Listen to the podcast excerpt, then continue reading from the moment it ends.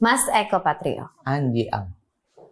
Benar tidak masuk sebagai anggota DPR karena merasa punya modal sebagai artis? Uh, 50-50. Jadi artinya uh, yang buat saya ya nyolong di tikungan lah.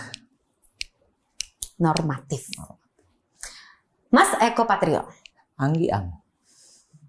Benar tidak bahwa Mas adalah salah satu anggota DPR yang tergolong kaya raya. Oh, masih banyak yang kaya raya. Masih banyak yang kaya raya. Saya mah apalah atuh. Uh, pecahan rempeyek yang ada di toples. Mas Eko Patrio. Enggian.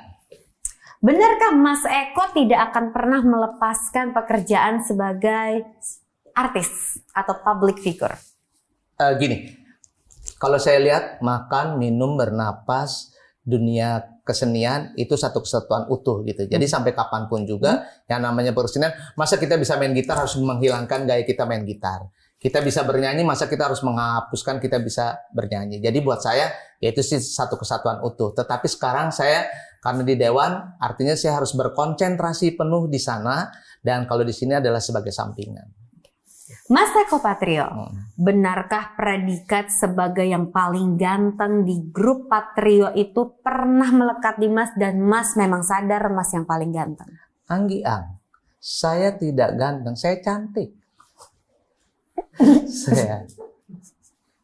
Jadi benar atau salah? Salah, yang benar saya tomboy. Tomboy, eh, iya, laki-laki tomboy. Sulit sekali ini jawabannya. Mas Eko Patrio, Anggi Ang. Apakah benar dengan semua yang terjadi sekarang ini banyak anak perusahaan Mas yang bangkrut karena pandemi? Uh, bangkrut enggak, tetapi adalah bagaimana caranya sekarang saya harus mulai ber apa mengevaluasi uh, mimpi-mimpinya di, di di di ini di apa namanya ya cita-citanya di di ditipis-tipisin dulu gitu karena buat saya sekarang bagaimana caranya adalah menyelamatkan karyawan dan juga uh, kantor. Jadi untuk ekspansi bisnisnya sebagainya nanti aja dulu. Terakhir, Mas Eko Patrio. dia. Ini bukan truth or false, tapi harus memilih salah satu. Mm -mm. Gubernur DKI Jakarta atau Gubernur Jawa Timur? Saya deg-degan ah gimana ntar aja lah gitu. Harus pilih salah gitu satu. Ya. Uh, kalau selama itu buat kemaslahatan masyarakat sih mau gubernur Jawa Timur maupun gubernur Jawa eh gubernur DKI Jakarta nggak ada masalah buat saya. Yang penting jangan jadi gubernur Dendles karena itu menindas masyarakat Indonesia. Kalau salah satu. Kalau tanya salah satu, mendingan salah satu daripada salah dua.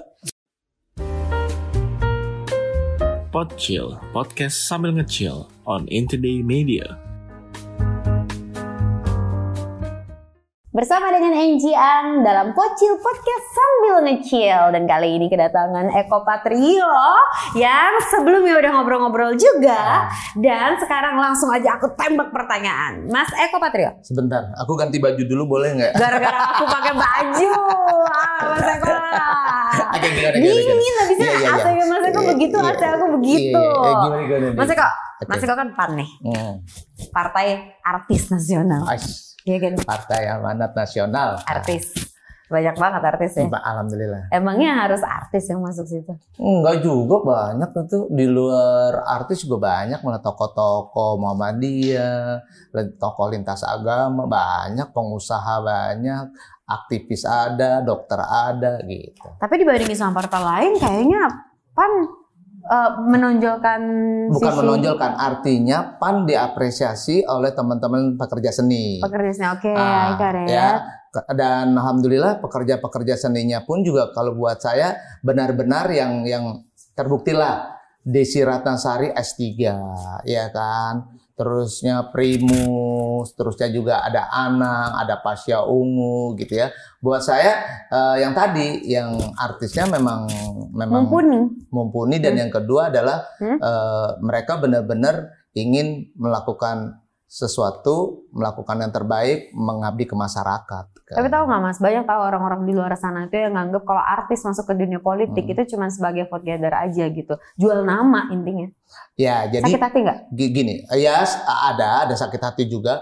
Uh, tergantung tergantung kita nyikapin juga. Kalau dulu waktu awal-awal partai politik ada tiga, iya. Dan masih uh, dulu pemilihannya tertutup. Artinya tertutup uh, kader nomor satu, nomor dua uh, pasti itu dipakai atau digunakan untuk si tokoh-tokoh uh, di partai tersebut. Hmm. Baru nomor tiga, nomor empat, nomor lima itu adalah artis-artis. Artis-artis oh, di gitu. artis-artis ya kan. Dan akhirnya maupun dia kerja seperti apa pun juga suara terbanyaknya tetap untuk nomor satu mau gimana kerasnya mau gimana? Nah, oh. tapi kan sekarang kan terbuka, pemilihan terbuka. Artinya pemilihan terbuka adalah artis diberikan kesempatan juga nomor satu, ya kan? Artis diberikan kesempatan juga nomor tiga, nomor empat, nomor lima. Sekarang adalah siapa yang diterima oleh masyarakat maka dialah sebagai pemenangnya untuk menuju ke Senayan. Gitu loh. Oh, jadi tujuannya adalah Senayan. Uh, itu kan, Tuh kan, jadinya kan. sendawa, kan. ya ampun. Hmm. Eh, mas, mas, mas, Pocil itu kalau mau minum cheers dulu. Oh, gitu. Nah, ulang ya, kita kita ulang ya. Ulangi dari sendawa kali. Uh, Oke. Okay. Cheers. Bisa nah. gini ya? Bisa dong. Mas Eko sendiri belajar politik gak sih? Sebelum Enggak. masuk. Enggak. Oh ya? Enggak ada pengalaman Jadi atau gini, belajar? kebetulan alhamdulillah uh, background kuliah aja yang mempengaruhi gitu ya. Apa? Karena aku dulu kuliah di UI kan, Universitas ISIP. Uh, uh, nah gimana gimana? Coba coba. Agak-agak pelan. Gimana gimana mas? Gimana mas? Universitas? Universitas ISIP Universitas ISIP ya, oke okay. ISIP Institut Ilmu Sosial Ilmu Politik okay. di kampus tercinta Lenteng Agung okay, gitu lah ya. boleh. Uh, anak LE nih anak, anak LE, gitu. terus? Nah ya dan alhamdulillah waktu itu sama kayak Enggi juga ngambilnya aku di jurnalistik gitu ya komunikasi massa jurusannya salah mas aku nggak itu jurusan kok ah nggak itu jurusan kamu apa jadi aku S1 ku komunikasi S2 okay. aku uh, politik oh Entar aku eh, lanjutin ini lagi S1 ya. ya? S1, yang ini S1, S1 S, uh, lanjut lagi, kuliah lanjut lagi, lagi di IKJ. Oh, Mas tuh IKJ? Iya, aku S2? di IKJ. Apa S1 Enggak, lagi? S1 juga, S1 oh. juga gitu loh. Nah, jadi uh, dari UI tadi Universitas Universitas SIP iya, tadi iya, iya, ya. Susah yeah. banget aku ngikutin Mas Eko ngomong tuh kayak yeah. okay. ya kalau F sama P udah pusing banget.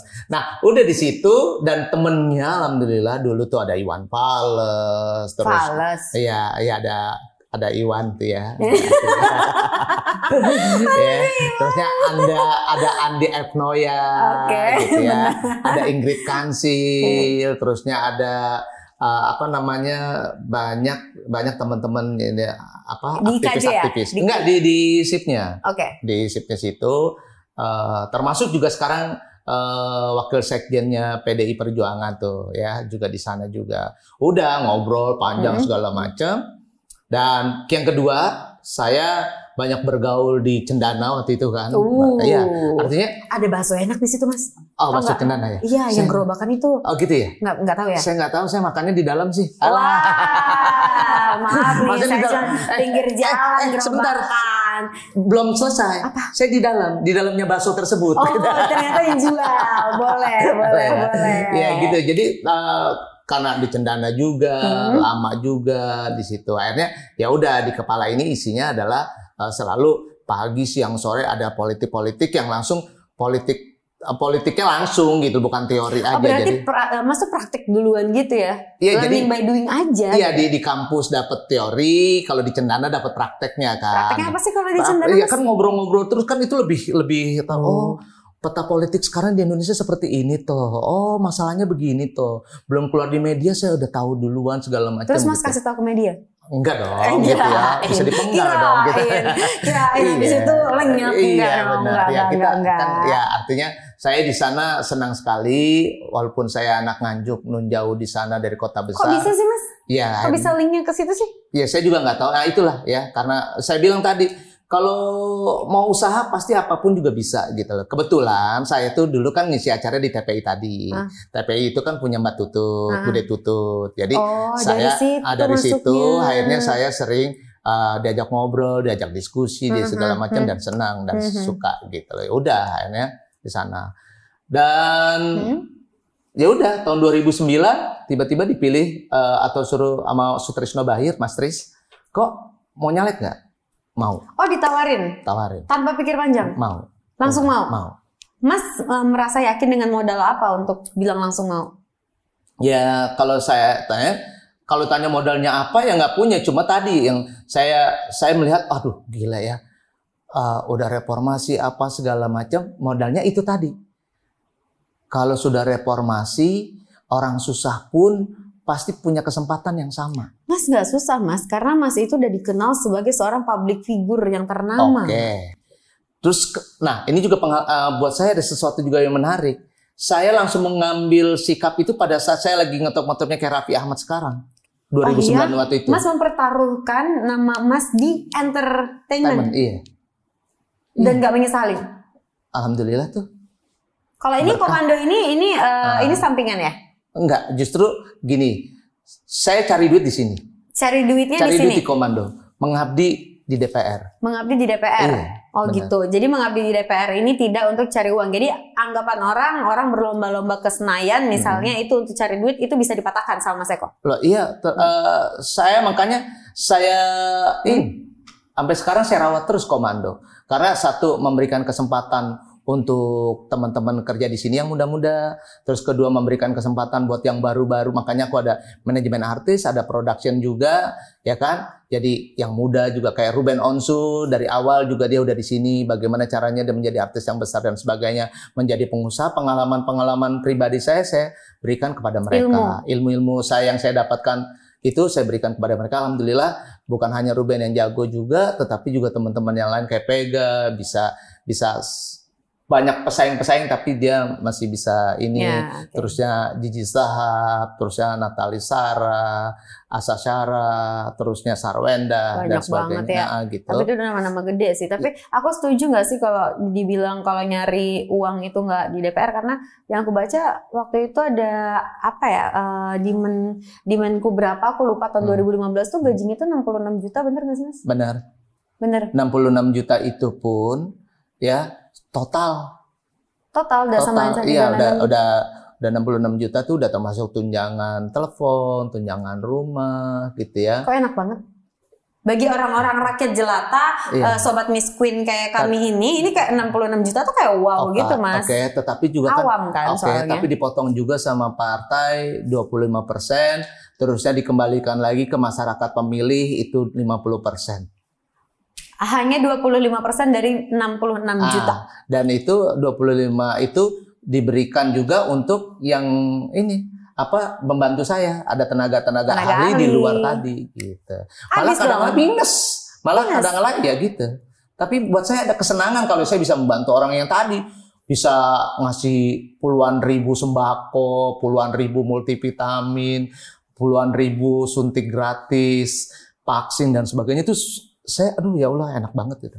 Bisa membantu anak pakir miskin, bisa membangun masjid-masjid, memperbaiki masjid, irigasi, memberikan pembantuan infrastruktur, memberikan apa hand traktor buat petani. Aduh itu bangga banget buat Ini saya. Mas Eko lagi ngomong sebagai politisi atau sebagai public figure sih? Nggak tahu tuh, saya ngomong ah, barusan tuh sebagai public figure atau sebagai uh, itu. Tapi politisi. saya melihatnya ya tadi, gue pokoknya selagi gue masih hidup, gue harus bermanfaat untuk orang banyak. Di entertain, di entertain juga, itu saya memberikan kesempatan buat orang kerja semua loh. Buat teman-teman artis-artis baru tadi kan saya berikan kesempatan. Saya bikinin program-program juga buat yang baru-baru. Saya udah Kebanyakan saya belakang layar sekarang saya nggak punya program, tapi sekarang teman-teman yang layar semua sama di DPR pun juga. Mas Mas, kalau Mas tadi bilang bahwa Mas itu nggak pernah belajar tentang politik gitu ya kan? Nah sepengetahuan aku, kalau untuk menjadi seorang politisi itu semasa kampanye atau hmm. saat dia menjalankan itu ada beberapa hal yang harus dilakukan gitu ya kan? Aku boleh nyontek nggak? Boleh dong. Ya kan? Soalnya udah empat tahun udah lewat gitu ya kan buru agak-agak lupa nah. gitu ya kan misalnya kalau aku bilang itu uh, bisa aku ibaratkan dia itu harus determine who you are gitu habis itu kayak determine what you do lalu ada position yourself dan manage your brand Mas Eko dengan privilege sebagai artis itu sebenarnya menguntungkan gak sih? Karena misalnya kita kita kasih contoh, kita tadi bahas Pak Ganjar gitu ya hmm. kan. Dia memang kuliahnya sampai S2-nya politik gitu. Hmm. Tapi dia bukan public figure saat hmm. itu gitu. Jadi dia melakukan empat step ini hmm. benar-benar dari nol. Hmm. Kalau Mas menurut aku pengalaman bukan pengalaman ya maksudnya dari penglihatan aku Mas bisa mengeliminasi beberapa ini hmm. karena Mas udah dikenal hmm. gitu ya kan tinggal masalah brandingnya menentukan target produk-produk politiknya dan lain-lain kayak gitu. Apakah Mas juga mengikuti cara-cara yang dilakukan oleh orang awam atau dengan privilege sebagai artis itu menguntungkan untuk Mas? Ya jadi gini kalau buat saya uh, di dunia terjun ke dunia entertain bonus lah buat saya. Bonus. Itu, tapi Mas duluan di situ. Iya, artinya uh, tetap step by stepnya tetap dilalui ya, step step by stepnya dilalui. Terusnya kalau belajar politik nggak, saya nggak belajar politik, saya cuma simpatisan aja tadi simpatisan. Berarti nggak harus textbook gitu ya? Enggak, nggak mesti, nggak mesti textbook harus dari awal begini begini, nggak mesti. Kalau misalnya bisa di di apa namanya eh, step satu dua bisa dilangkain, kenapa harus kita ngambil dari step satu sih? Birokrasi. Aduh. Yang ribet sekarang. Nggak, ya makanya tergantung partainya. Oh balik lagi partai. Baliknya, uh, jadi saya tuh pada saat saya menjadi uh, nerima partai pada saat itu yes saya mau Mas Tris. Karena saya sudah memapping. Karena Oh, ada main mapping dulu. Iya, iya. jadi kalau misalnya saya partai besar, masuk partai besar, itu udah banyak raja-raja kecil. Waduh, udah saya harus lapor dulu ketua DPC-nya, harus ngelapor ketua DPD-nya, langsung ketua DPW-nya. Terus habis ketua DPW-nya, oh nggak bisa nih, walaupun dia artis taruhnya di nomor 9, oh nggak bisa nih, walaupun dia begini nggak bisa ditaruh di sini. Apa mau taruh di Nganjuk, minta di Nganjuk mana bisa gitu. Partai-partai besar gitu karena dia udah punya kader-kader yang begitu banyak. Yeah. Kalau partai tengah gitu ya, baru kita bisa bisa bargaining gitu loh. Dan alhamdulillah pada saat waktu itu saya masuk ke PAN ini uh, bargainingnya itu, Mas Tris bisa nggak saya taruh di Nganjuk? Itu doang saya bargainingnya. Karena saya ingin mengabdi di kampung kelahiran saya. Udah itu doang. Nggak ada lagi saya bargaining segala macam gitu lah. Okay. Dan alhamdulillah pada saat saya nyemplung di situ uh, kosnya rendah karena saya emang satu ya tadi udah ada keterkenalan tadi kan. Kedua kebanyakan keluarga besar ada di Nganjuk kayak gitu lah ya oh, kan. Tapi birokrasi yang Mas lihat sekarang sebagai anggota DPR di Indonesia ribet nggak sih? Birokrasi maksudnya menjadi anggota dewan atau ya, apa pun apa pun yang kita lakukan dari awam dari uh, menjadi anggota dewan tuh ribet nggak sih? Terlalu banyak hal yang harus kita lakukan padahal menurut sebagian orang itu bisa dibuat just make it simple. Iya, iya, iya, iya. Uh, itu tadi saya bilang gitu loh banyak banyak uh, orang mau terjun ke dunia politik tapi nggak ngerti harus bagaimana gitu. Memulainya. Memulainya. Makanya saya sebagai ketua DPW PAN DKI Jakarta selalu bilang, ah, ayolah siapa aja lu tukang bajai, lu tukang siapa, lu anak petani atau lu anak segala macam. Yang penting lu ada kemauan deh datang sini. Niat. Iya, penting ada niat gitu. Kalau kalau udah kita aja terus kagak mau juga percuma juga. Makanya saya bilang, saya berikan rasa nyaman dulu dan aman gitu ya. Nyaman tuh artinya gini, eh gue nggak cari orang kaya, yang penting lo mau belajar politik. Mohon maaf, Pak Jokowi juga bukan berangkat dari orang kaya, ya kan? Cuma bisnis doang, dan bisnisnya juga bukan bisnis industri yang wine apa tuh 4,4 titik nol gitu kan enggak kan gitu ya kan emang industri yang yang yang ini aja sederhana gitu terbukti kalau dia bisa mengabdi untuk masyarakat terpilih itu jadi presiden gitu. Jadi harus bonding dulu sama masyarakat ini. Ya, ini jadi ke di framingnya ini adalah buat saya adalah di kepala lu tuh yang mau jadi politikus tuh adalah eh gua ada manfaat gak sih buat masyarakat? Eh gua ada manfaat gak sih buat rakyat gitu. Oke. Okay. Kalau misal eh gua mau kerja di DPR biar dapat banyak, eh gua pengen eh lah nggak jadi sesuatu. Kira, tahu nggak? Aku pernah mikir kayak gitu mas.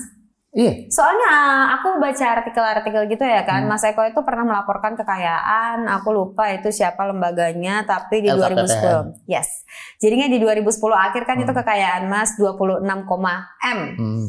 Terus habis itu nggak sampai satu dekade, cuma 8 tahun kemudian hmm. jadi 90,1 M. Hmm. Pertanyaannya nih, di pertengahan 2021 hmm. kekayaan Mas sudah masih hitung-hitung berapa Mas? Wah, alhamdulillah tuh berarti. Saya aja nggak ngitung-ngitung, dia ngitung loh sekarang. ya lumayan buat mahar ya. oh, aduh, aduh, aduh, aduh, aduh, ke mana? Oke. Ya jadi itu buat saya tadi. Bukan itu itu bukan dari duit dari Senayan. Maksudnya untuk um, mengabdi kepada negara dan mendapatkan uh, apa namanya dapatnya adalah tentang kekayaan itu enggak? enggak. Nah, itu, itu yang, bisnis. yang saya bilang tadi. Saya cari duit itu di sini. Hmm. Ya, cari duit saya di sini.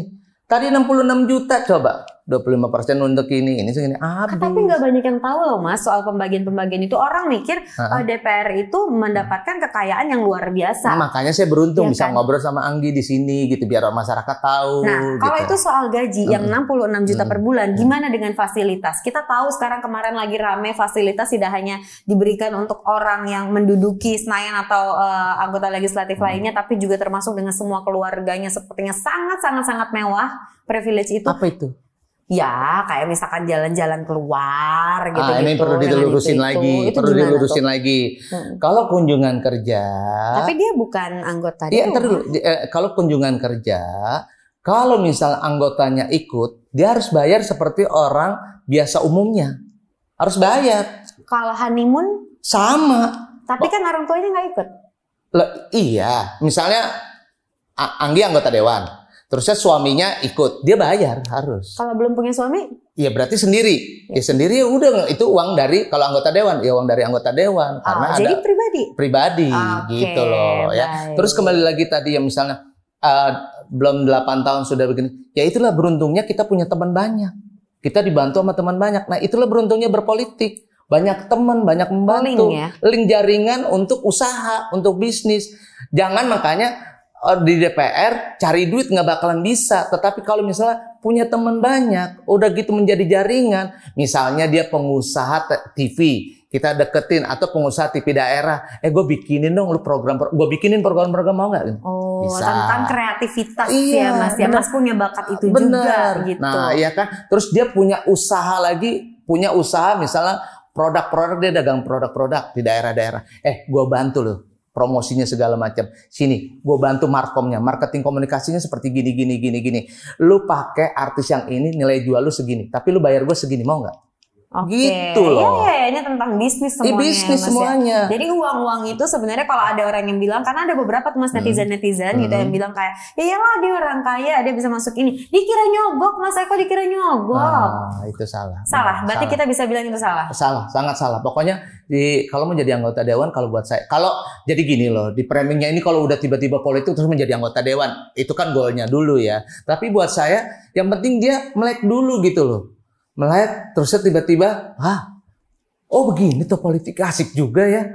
Wow, terusnya medianya juga udah nggak konvensional ya. Gue bisa tiktokan, gue hmm. bisa ngobrol melalui uh, Facebook, gue bisa melalui ah, Instagram, Instagram dan sebagainya. Gitu dinikmatin gitu loh sebagai dia anak muda jangan tiba-tiba dia anak muda tuh sok-sok ditua-tuain pakai-pakai dibikin-bikin jenggot lah bikin kumisan lah ngomong di wiba aduh eh, banyak banget. nih banyak nih banyak nih yang kumisan-kumisan jenggotan iya, jadi iya, kayak iya, menuakan diri iya, gitu ya ngapain gitu oke okay. oh, kita yang tua aja mau muda-muda gitu ya mau dibikin muda-muda kayak gitu cheers dulu ah, dong iya, sebelum yes. kita ngomongin hmm. tentang milenial menurut Mas Eko Siap. anyway Mas tadi kan aku tertarik nih mendengar Mas menceritakan hmm. tentang kehidupan milenial sekarang hmm. dengan sekarang hidup di digital 4.0 gitu yeah. kan. Sebelum masuk ke situ, aku pengen tahu singkat aja menurut Mas sekarang kebijakan pemerintah dari sisi seorang ekopatrio, apakah itu udah tepat dengan PPKM level 1 sampai 4 120 atau apa pun itu apakah itu tepat?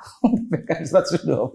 Kayak itu, iya, kayak mimian level. Oh, gitu ya. Uh, gini. Singkat aja, Mas. Ya kalau buat saya uh, pemerintah pasti melakukan uh, sesuatu itu udah pasti dilihat dari sisi kiri, sisi kanan, dari dari atas, dari bawah, udah melihat semuanya ya, dari sisi ekonomi dan sebagainya. Saya saya meyakinkan termasuk juga pasti ke kesehatan. Itu poin yang pertama adalah bagaimana caranya nyawa satu itu berarti banget. Pemerintah tuh menekankan di situ gitu ya. Dan akhirnya yang dirugikan adalah pasti ekonominya gitu loh. Hutang Dan, negara makin bertambah dong. Oh, udah pasti. Imbasnya juga orang susah juga makin bertambah, ya kan? Uh, banyak banyak permasalahan yang mendasar. Apalagi uh, kita nanti uh, prediksi saya jangan-jangan kita bisa jadi yang terakhir yang bisa memenangkan COVID ini. Yang terakhir. Yang terakhir. Amit-amit lah. Iya, karena gini, karena gini saya lihat. Negara kita nih kepulauan ya kan. PPKM okay. itu dibuat adalah sekarang sementara ada Jakarta, Jawa dan Bali. Mm -hmm. Oke okay ya, seminggu, bikin lagi dua minggu, bikin tiga minggu. Terus dilupakan nih yang di luar Pulau Jawa, Pulau Bali tadi nih. Iya kan? Sumatera, Kalimantan. Terus tiba-tiba ini udah selesai nih Nanti akan balik lagi ke COVID itu. Emang COVID itu bisa di Oke, okay, covid di sini aja ya, ya di sini ya. Ya kayak kalau ada gang di portal gitu ya kan, nggak iya. boleh masuk, covid nggak bisa masuk. Iya, iya, kan nggak gitu kan. Masyarakatnya segala macam kan juga pastikan ya. Apalagi ada kesempatan juga yang di luar Pulau Jawa gitu ya, uh, warga negara asing juga masih bekerja, diberikan kesempatan kerja untuk di sana. Dan ini kan juga pasti membawa sesuatu. Singapura aja, ya kan negara kecil, cuma sebesar uh, Jakarta Selatan itu lockdown berkali-kali. Lockdown ini ya, ya masalahnya ya, bukan bukan cuma sekedar PPKM, lockdown hmm. berkali-kali hmm. dan tetap aja bocor. Ya kan? Apalagi yang seperti ini. Apalagi seperti kita. Jadi seharusnya gimana menurut Mas Eko? Apa yang harus Indonesia lakukan? Kalau ditanya Indonesia harus apa yang dilakukan, buat saya sekarang uh, vaksin itu bukan obat Vaksin itu adalah penguatan antibodi. Yang paling benar-benar dilakukan oleh masyarakat Indonesia adalah gunakan yang namanya 3M. Masker, menjaga jarak, mencuci tangan, menghindari kerumunan dan soal 4 atau 5 lah itu ya. Iya seperti kayak gitu. Buat saya yang penting adalah maskernya. Tapi ini kita nggak pakai masker, Mas. Udah antigen. Aku tadi udah, udah antigen, bilang ya, ya. Aku udah kita aman udah sama antigen, macam. Benar ya. Aman. Benar. Dan tetapi kalau pada saat kita udah keluar menuju pintu rumah satu langkah, kita udah harus siap untuk masker. Oh iya pastinya. Sampai apa pun juga, hmm. gitu ya. Mengenai rumah. Itu buat saya. Hmm. Itu yang itu itu itu obat paling mujarab mau divaksin berkali-kali ada katanya yang ketiga booster apalah segala macam booster. segala macam gitu ya. Ah buat saya mah. Kayaknya mas Eko dari obrolan cocok jadi gubernur DKI. Jakarta. Amin diaminin aja. Pengen ya? Bukan masalah pengen atau udah enggak. ada omongan ya? Kalau kalau Ngaku perintah kalau perintah partai itu tadi aja kan ya dari Jawa terus ke Jakarta saya nggak bisa menolak gitu. Jadi saya kembali lagi saya serahkan kepada partai saya. Tapi dari dalam tapi hati. gini tapi gini. Saya apa yang saya udah dapat sekarang, jujur nggih, ya di kamera. Sekarang yang saya punya adalah saya mensyukuri apa yang saya sudah dapat. Mensyukuri sekarang. Jangan serakah. Jadi saya bukan bicara masalah serakah atau apa, tapi buat saya, alhamdulillah ya, gue dari anak kampung gitu. Tiba-tiba gue apa yang gue mauin tercapai, berkah. Mau ngetop, gue udah ngetop. Terus gue mau mau beli ini bisa, mau beli itu bisa. Alhamdulillah. Terus mau ketemu cewek cakep kayak Anggi udah bisa segala macam. Buat saya bersyukur. Loh, enggak artinya benar saya bersyukur. Artinya, oh ini link ya, ini link namanya ya, link. Artinya saya bersyukur gitu ya. Anak kampung di sana tiba-tiba saya bisa kenal cendana. Dari kampung sana bisa ketemu dengan uh, orang-orang hebat orang-orang lah ya, hebat ya kan. Terus ya presiden mana pun juga eh, presiden Indonesia saya kenal semua cuma satu yang saya nggak kenal yaitu Presiden Soekarno nggak dekat. Uh, kan itu tadi doang. ulang tahunnya itu ulang jadi MC itu gimana iya, sih? Itulah. Itu, ya? itulah. Jadi buat saya saya mensyukuri, udah mensyukuri apa aja yang dia dapat. Terus kalau tiba-tiba Eko mau jadi ini mau jadi ini ya udahlah saya kembalikan lagi sama orang yang nyuruh saya dan sebagainya tapi sekarang mengikuti saya, perintah dong iya saya ngikut perintah aja udah kenapa nggak kenapa nggak punya pendirian tetap aja gitu oh iya saya mau saya nggak mau saya mau saya nggak mau begini di partai politik nggak seperti kayak itu gitu ya oh, okay. nah, kalau buat saya di partai politik uh, mau tidak mau harus mengikuti hierarki yang ada yaitu okay. dalam organisasi yang terbesar adalah perintah dari ketua umum. Oke, jadinya dari ketua umumnya. Hmm. Nah, anyway kemarin dari Lampung hmm, itu ya iya. sama yeah. Bang Wendy itu hmm. ketemu eh, sama Wendy sama, uh, sama Denny, sama Bang Denny, uh. sama Bang Denny uh. itu ketemu sama Bang Jil lagi datang uh. sama Pak Ete nih yeah. nyenggol-nyenggol 2024. Hmm. Emang iya Pak Ete mau 2024 naik RI 1 Jadi gini, kalau buat saya uh, salah satu tokoh yang nggak punya beban dosa ya itu Pak Erick Thohir kalau buat saya. Oke. Okay. Jadi ini buat, pribadi ya, ini omongan sebagai ekopatrio iya, pribadi. sebagai ekopatrio okay. benar pribadi gitu ya, nggak punya beban. Terus ya dia juga secara pribadi orang baik saya tahu. Terus yang ketiga dia sudah sebagai pengusaha yang nasionalisnya tinggi banget, terbukti dia sampai memperjuangkan bagaimana mempunyai klub sepak bola di luar negeri. Gak ada kan orang Indonesia yang mikir sejauh itu. Yang mikir gitu. sejauh okay. itu gitu. Dia udah memikirkan uh, tahunan yang lalu mempunyai klub di luar negeri dan usahanya di mana-mana nggak ya buat saya salah satu anak muda yang punya kesempatan di 2024. Anak muda itu sebenarnya seperti apa sih Mas? Jiwa muda atau milenial itu dalam pandangan Mas itu seperti apa sih? Kalau kalau buat saya anak muda itu bukan berarti misalnya uh, orang tua juga bisa dibilang anak muda kalau pemikirannya bermuda. Gitu Oke, gitu. berarti ini kalau milenial itu adalah tentang konsep pikiran kita. Iya. Mas benar. Eko juga di mataku, jujur Mas, Mas hmm. Eko tuh milenial banget. Aku ngelihat Instagram Mas Eko misalnya gitu kan TikTok kan hmm. lah, main sama anak lah segala macam. Hmm. Anak Mas sudah single berapa Mas? Uh, dua. Si Naila, Naila ya namanya. Naila, iya, Naila. udah dua single ya kan, yang kemarin baru uh, rilis gitu. Uh. Memang diarahin untuk jadi artis? Iya, atau... jadi gini, saya nggak pernah uh, anak mau diarahin ke mana aja uh, dia boleh ikut arus asal jangan terbawa arus buat saya gitu. Uh, ikut, gimana nih gimana okay. maksudnya? Jadi kalau ikut arus dia mau jadi penyanyi, arusnya dia arusnya adalah penyanyi gitu. Ya boleh, hmm. tapi jangan terbawa arus misalnya tiba-tiba semuanya uh, dia dia pengen tahu dan sebagainya akhirnya mengikuti hal-hal yang negatif itu juga jangan buat oh, saya. Oh, Jadi, okay. Jadi ada sisi parenting yang di situ ah, yang ada benar. batasnya gitu ya. Kayak semacam uh, saya nggak pernah mengarahkan anak saya di dunia entertain, Naila mau sama adanya yang cowok nih yang umur 14 sekarang adanya dia, yang kedua. adanya Naila uh, uh, dia malah nggak mau di dunia entertain. Gak Padahal secara wajah buat saya dia Eko Patrio banget, bule banget gitu kan oh, ya. Okay. Hmm. Uh, gitu. Mr. Eko Patrio gitu. itu malah dia senangnya uh, ini main saham dan sebagainya. Oh, Saya hmm, kasih kesempatan dia untuk okay. itu.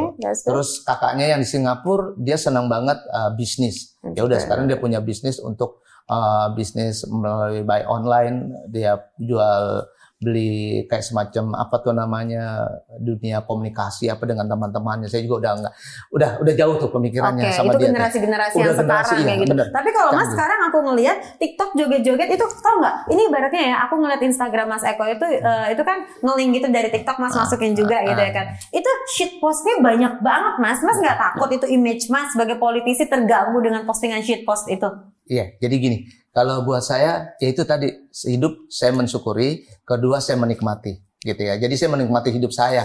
Yang penting saya satu tidak merugikan orang banyak, kedua insya Allah saya tidak akan melakukan hal-hal yang negatif buat keluarga saya gitu.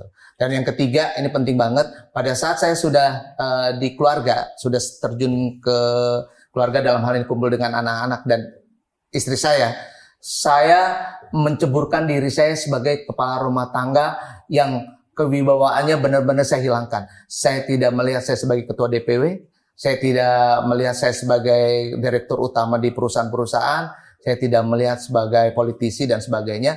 Saya kalau udah sampai rumah, dipecandain anak, dilatain anak, terus saya didandanin sama anak, jadi perempuan, jadi banci-bancian segala macam, saya welcome aja. Karena buat saya uh, keluarga segala-galanya. Gitu. Oh, gemes banget sih. Aku lihat sih yang Mas latah-latahin. Hmm. Kalau ini aku latah-latahin, walaupun aku bukan anak Mas, boleh nggak? Ntar aja kalau nggak ada orangnya. Oke. Okay. mas, harapan Mas sekarang ke depannya apa? Mimpi Mas yang belum tercapai sekarang itu apa? Harapan kalau harapan untuk Indonesia ya itu normatif hmm. lah ya jawabannya. Aku hmm. pengen tahu sebenarnya ini nanti Mas goalsnya itu ingin ke mana? Oke, okay. goalsnya sih buat saya sekarang saya mengantarkan anak-anak saya menjadi sesuatu yang terbaik lah. Udah itu aja. Tetap keluarga nomor satu ya Mas. Aja, udah, udah Tapi kalau untuk negara dan uh, terkait dengan sepak terjang Mas di dunia politik, biarin aja nanti orang-orang yang lain atau ketua umum saya mikirin itu deh. Yang penting saya mikirin keluarga saya aja dulu deh gitu. Tapi yang penting adalah sekarang bagaimana caranya Indonesia terbebas dari COVID, biar kita bisa tumbuh kembang lagi, pertumbuhan ekonomi bagus lagi, anak-anak sekolah tidak melalui online tapi tatap muka dan sebagainya dan sebagainya dan normal kembali itu lebih baik buat saya. Lebih tenang hmm, juga kita benar, hidup. Iya. Ya, terima kasih banyak udah ngobrol-ngobrol sampai iya, capek okay, ya udah sampai ketemu lagi Mas Eko pokoknya aku juga berterima kasih mewakili semuanya hmm. yang udah uh, apa namanya mendapatkan dampak positif dari hmm. program-programnya Mas Eko yang luar biasa. Siap. Di samping bisa dilihat hmm. itu gede banget tuh Mas Eko uh, bahwa ada ada pemberitahuan vaksin gratis ya ah, yeah. segala macam. Semoga programnya terus-terus ah, lanjut dan tetap uh, menjadi keluarga yang harmonis Siap. dari aku begitu okay, ya Mas you. ya. Yeah, yeah. Sampai ketemu lagi di Pocil bersama NGM dengan bintang tamu lainnya. Kira-kira bintang tamu siapa ya Mas? Eh ini aja deh. Takut ngomong. Kan aku pengen tahu kira-kira iya, siapa ya Mas ya. Bebas deh. Ya, nggak mau ya udah kalau gitu sampai ketemu lagi bye people in today people sweat. Oke, okay, bye. Serius Mas. Biar biar nggak kesel. Yeah, yes, nggak selet. Pod Chill, podcast sambil ngecil on Intoday Media.